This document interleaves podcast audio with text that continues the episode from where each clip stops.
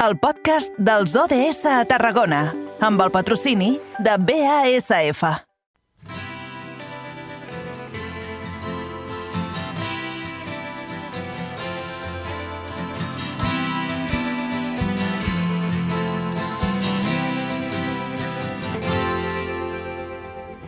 assegut al costat d'un llit estrany. Ella es mira I com els dèiem en l'inici del programa, en aquest petit sumari que hem fet, ara el que farem és obrir la mirada cap al 2030. Els ODS, de, els Objectius de Desenvolupament Sostenible, ens fan parlar avui de moltes coses. Aquesta agenda plantejada per la ONU i que cada tarda nosaltres coneixem a través de diferents iniciatives que es duen a terme en el territori. De fet, avui ens centrarem en l'ODS número 3, que ens parla de salut i benestar. Per què? Perquè la gent gran del, di del Centre de Dia Marinada de Roda de Berà han visitat els alumnes de l'Institut Andreu Nin del Vendrell. I volem conèixer com es va desenvolupar la jornada i sobretot com es van portar aquestes uh, dues generacions. Així que per això donem la benvinguda a la gerent de l'Arts Serveis, Jerusalem Torra. Molt bona tarda, Jerusalem. Bona tarda. Bon any, Jerusalem. Com dèiem, uh, una visita que va permetre que dues generacions uh, es coneguessin una mica millor. Com va anar aquesta jornada? Pues, com sempre, supergratificant, superdivertida i molt positiva per a les dues parts. Són unes trobades que ja, ja fa anys que les realitzem, el que passa que la, la Covid eh, havia paralitzat, primer van començar amb la comunitària i ara ens van convidar amb el treball de, la, de recerca del curs d'integració social i d'atenció a la dependència. Uh -huh.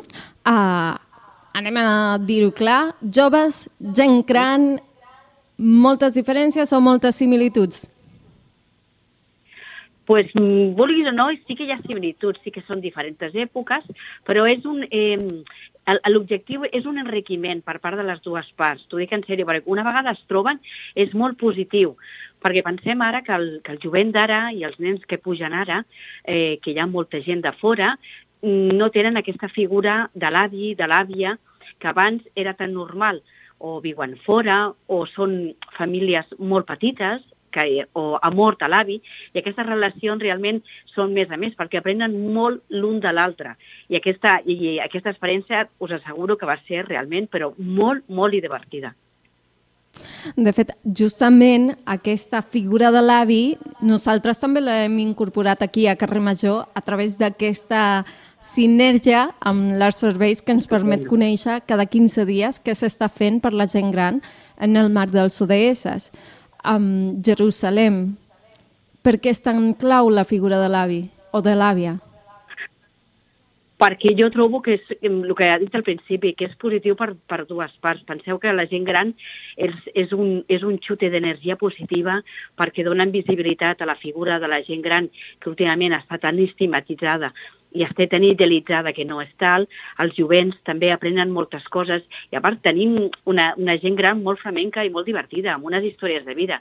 I les persones grans, quan arriben a, a, una, a una edat, així com es desinhibeixen una miqueta i passen una miqueta de tot. I són situacions que rius molt, perquè van parlar de les històries de vida, perquè el projecte, ells parlaven amb el projecte de, de, de, del síntesis, era una, una assignatura, llavors havien de fer les històries de vida de la gent gran feien grupets, cadascú va agafar tres usuaris, en aquest cas, i feien la història de vida. Va ser, va ser superxulo, perquè ho fèiem en dibuixos, llavors, clar, la persona gran se sentia protagonista, i és molt divertit perquè els expliquen el que feien abans.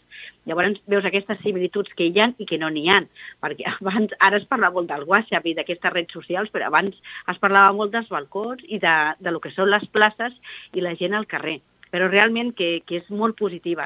Jo crec que cada vegada tindrien que sumar més aquesta relació. D'aquests treballs intergeneracionals, aquest any nosaltres el vam tancar amb moltíssimes activitats al centre de dia, amb l'institut, amb l'escola Cucurull de Roda, amb l'Andreu Nin, van venir a cantar Nadales, ens han vingut a ajudar a, a decorar, i aquest any tornem una altra vegada, el que volem és sumar, i aquest jovent aporti el que ens falta amb aquesta gent gran, sobretot treballar la bretxa digital, la gent gran els està costant molt arribar amb aquestes noves mm, metodologies dels telèfons, amb els bancs, i el jovent que ho tenen com tan, tan dominat, pot ser, trobo que un pont i una part molt entretinguda per ells. M'ha agradat molt el concepte que acabes de dir, eh, ells s'emporten experiències parlant dels joves, no? I ah. a canvi el, la gent gran s'emporta coneixement tecnològic. Aquests són sí. els inputs que vau poder recollir de la, de la jornada o com ho van viure els joves? Sí, perquè a part, una, una dels tres usuaris, una persona domina bastant el telèfon, ella vi, viu sola fora i domina bastant el telèfon. Llavors, eh, les noies els anaven preguntant d'on vivia, com era el seu poble, i ella anava traient les fotografies. Després els hi, va, els, els hi van fer com un arbre familiar i ella, superorgullosa, ensenyava les fotografies dels seus fills que té en un grup de WhatsApp, perquè ella té la família a Barcelona. Llavors es comuniquen molt amb el telèfon. Per això, després va ser molt xulo perquè els van pujar a la part de la tarima, de la sala de l'Andreu Nin, i van venir a la classe de, de la integració social i els hi van cantar les Nadales amb el, amb el llenguatge del, dels sormuts saps? I això també va ser molt divertit perquè ells feien aquesta dinàmica. Trobo que és una experiència que hauria de ser cada vegada més i que s'hauria de participar. I hauríem d'obrir, s'han d'obrir els centres de dia, els casals, eh, les residències, s'han d'obrir amb aquest jovent, aquest jovent ha d'interactuar contínuament i sumar, sumar projectes i, i, sumar, i sumar vida, perquè és el que fan, sumar vida. Perquè Jerusalem no posem el focus prou sobre la nostra gent gran, perquè justament aquestes jornades el que fan és donar-los el protagonisme que a vegades eh, la pròpia societat, per la rapidesa amb la que viu, eh, no està per eh, escoltar la gent gran. No, no, no, no. Hem, jo crec que aquesta pandèmia et diuen que ha tret molt el bo i les coses dolentes i jo em quedo més amb la part dolenta.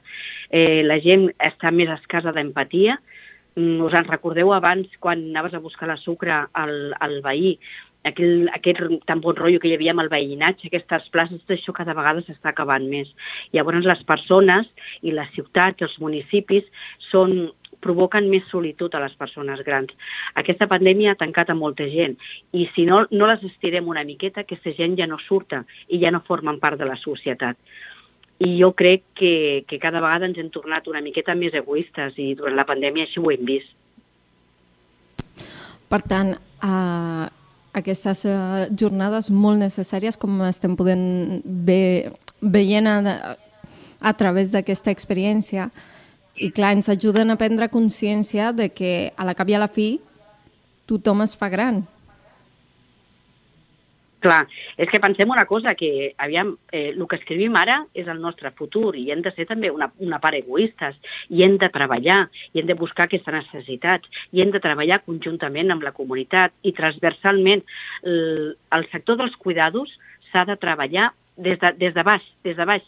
Les entitats, els instituts, les escoles, els joves, les farmàcies, els ajuntaments, hem de treballar, tot ens hem d'implicar amb la gent gran, tot ens hem d'implicar amb els cuidados. Per què és això? Perquè estem escrivint el nostre futur. I a part que, que és un enriquiment i que hem d'obrir les portes i que és una, una, una línia realment divertida, perquè la gent gran és molt divertida i tenen moltes coses a ensenyar-nos i només les expectatives. El centre de dia perquè és molt diferent a, a l'ajuda a domicili i amb els domicilis. El centre de dia perquè és molt dinàmic i aquí s'impliquen molt les famílies. Mm, els porten cap al centre de dia. Al centre de dia sempre hi ha moltíssimes activitats. Són usuaris que trenquen una miqueta amb aquests estereotips, com ara estan fent moltes residències, que fan obres de teatre petites, que fan TikToks. Llavors, això als, als joves els fa una gràcia perquè comparteixen TikToks, comparteixen vídeos, comparteixen música, és això, hem de donar una altra, hem de canviar aquesta imatge que tenim sobre la bellesa, perquè això ens portarà coses molt més positives. Coses positives i uh, només engegant el 2023. Jerusalem, abans ho deies en una petita pinzellada, però calendari, aquestes jornades Quins són, eh, per exemple, el calendari del proper mes o dels propers dos o tres mesos? Bueno, ara arriben els carnavals. Ara arriben els carnavals i els carnavals d'aquest any eh, s'ajudaran, ens venen a ajudar els nens de, de 7 i de 8 anys de l'escola de l'Andreu Nin. Ells ens vindran a ajudar a decorar. Nosaltres aquest any els disfressem de l'oeste, sempre fem una dinàmica, però només és la disfressa, és tota la temàtica que fem a la sala, perquè la volem compartir, ens agrada que vingui la gent fent ball, i llavors aquest any la participarem amb el jovent. Després arriba el març, arriba la Setmana Santa, també la volem participar, volem participar de les processons, ens agrada que vinguin entitats de fora a explicar com gaudeixen del folklore i de les entitats, i llavors ja comencem a sumar, comencem a sumar. Moltíssimes gràcies. Veig que no pareu allà al, al centre de dia i també a l'Arts Serveis.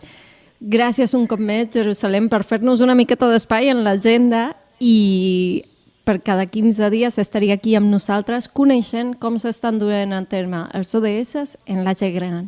Gràcies per tot, que vagi molt bé. Gràcies a vosaltres. Una saluda. Adéu, Jerusalem.